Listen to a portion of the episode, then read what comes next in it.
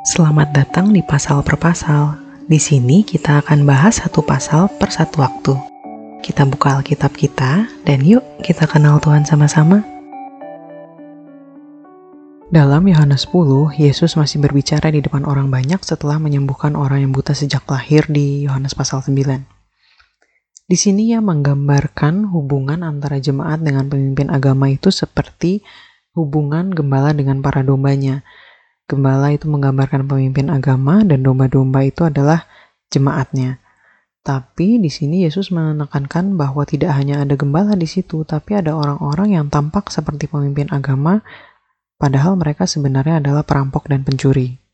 Sebelum kita bahas hal itu, kita perlu tahu dulu dasarnya mengapa Yesus menggunakan perumpamaan ini. Nah, untuk mengetahui hal itu, kita juga harus terlebih dahulu mengerti seperti apa sih gembala dan domba yang sesungguhnya dalam artian yang sebenarnya, yaitu di peternakan, di padang rumput. Bagaimana interaksi antara gembala dan domba itu terjadi? Jujur saja dari dulu saya selalu berpikir kenapa Tuhan menggunakan perumpamaan ini.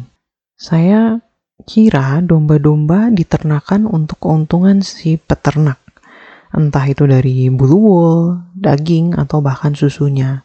Jadi, apakah Tuhan memandang kita sebagai hewan ternak yang akan menghasilkan sesuatu untuk keuntungannya? Jadi, apakah memang sedangkal itu? Ya, memang benar kita hidup untuk tujuan Allah, tapi apakah sedangkal itu seperti peternakan? Bahwa manusia itu ibarat domba yang suatu saat akan digunakan untuk digunduli, disembelih, atau diperah? Setelah saya coba pelajari lebih lanjut, ternyata hal itu tidak sepenuhnya benar. Saya menemukan bahwa peternak domba itu berbeda dengan gembala. Memang bisa saja mereka adalah orang yang sama, tetapi mereka punya tugas yang berbeda.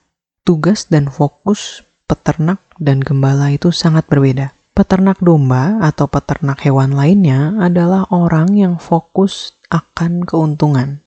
Mereka berpikir tentang bagaimana bisa membuat ternak-ternaknya ini menghasilkan uang. Jika ternaknya banyak dan dombanya juga banyak, biasanya mereka akan memperkerjakan seorang gembala atau beberapa gembala untuk merawat sekelompok domba-domba yang ada di peternakan itu.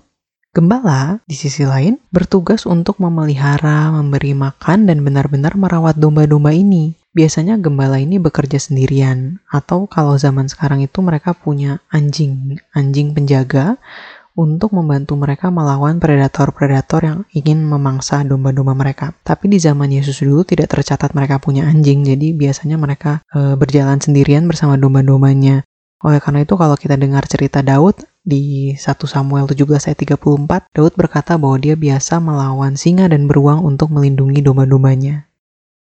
Domba adalah salah satu binatang yang tidak punya banyak alat perlindungan diri Bahkan mungkin bisa dikatakan dia tidak punya alat perlindungan diri. Kalau kambing punya tanduk, anjing punya gigi dan cakar. Tapi kalau domba dia tidak punya hal-hal seperti itu. Sehingga ketika dia dihadapkan dengan hewan lain yang mau memangsanya, domba akan cenderung lari menjauh dari ancaman.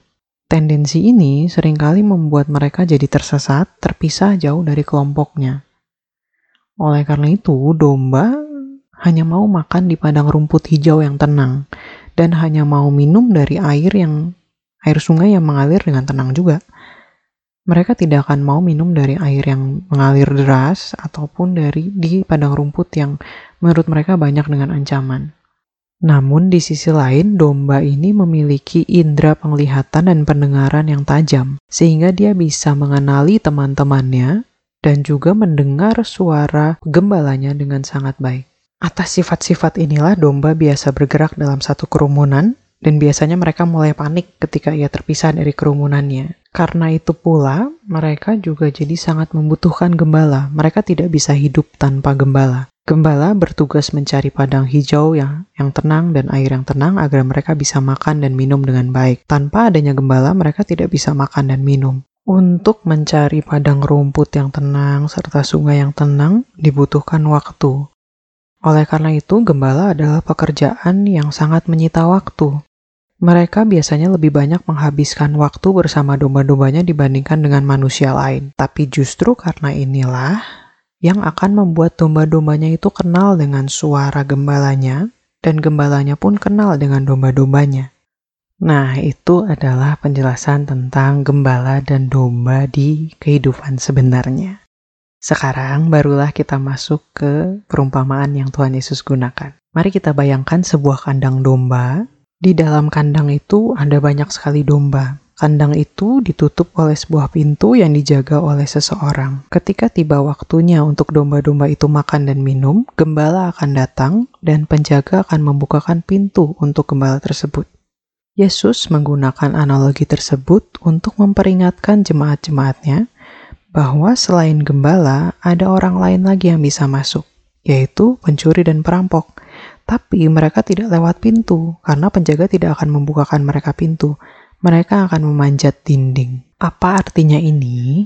Seorang gembala yang benar dari jemaat-jemaat atau domba-domba yang dititipkan Tuhan adalah orang yang masuk melalui pintu. Ayat 7 berkata bahwa pintu itu adalah Yesus sendiri. Akulah pintu ke domba-domba itu. Maka gembala yang benar melayani jemaatnya karena Yesus. Alasan satu-satunya mereka melayani jemaat adalah Yesus. Secara praktikal, Orang-orang yang disebut gembala ini menjadi pemimpin agama karena panggilan dan cinta kasihnya kepada Yesus dan ia ingin memancarkan cinta kasih Yesus itu kepada domba-domba yang ia rasa Tuhan titipkan pada dirinya. Sedangkan pencuri dan perampok datang tidak melalui pintu. Secara praktikal, hal ini menunjukkan bahwa yang mereka cari bukanlah memancarkan kasih Yesus yang mereka terima. Yang mereka cari adalah ketenaran, uang, kehormatan. Mereka jadi tampak berbeda karena mereka pendeta, dan hal-hal kedagingan lainnya.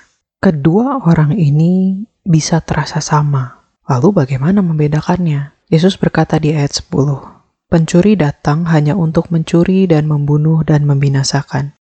Yesus datang supaya mereka punya hidup dan mempunyainya dalam segala kelimpahan.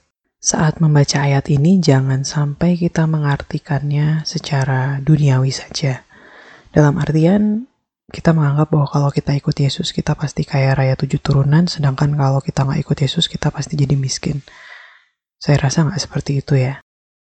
Ingat, konteks ayat ini adalah tentang gembala dan domba. Bagi domba, gembala itulah hidupnya baik di saat di padang rumput hijau yang tenang ataupun di hadapan predator, keberadaan sang gembala itu cukup bagi domba tersebut. Itulah arti yang dimaksudkan hidup dalam segala kelimpahan, bahwa kita merasa cukup karena Yesus ada dengan kita. Walaupun fisik kita lemah atau sakit, jiwa kita tetap dan makin bersemangat. Dan walaupun kita diterpa kegagalan, kita mau tetap bangkit karena percaya bahwa Tuhan turut bekerja dalam segala sesuatu. Itulah hidup berkelimpahan. Hidup berkelimpahan adalah kepuasan hidup karena kita beriman bahwa Yesus sumber segala sesuatu itu ada bersama-sama dengan kita dan dia turut bekerja dalam segala sesuatu untuk mendatangkan kebaikan.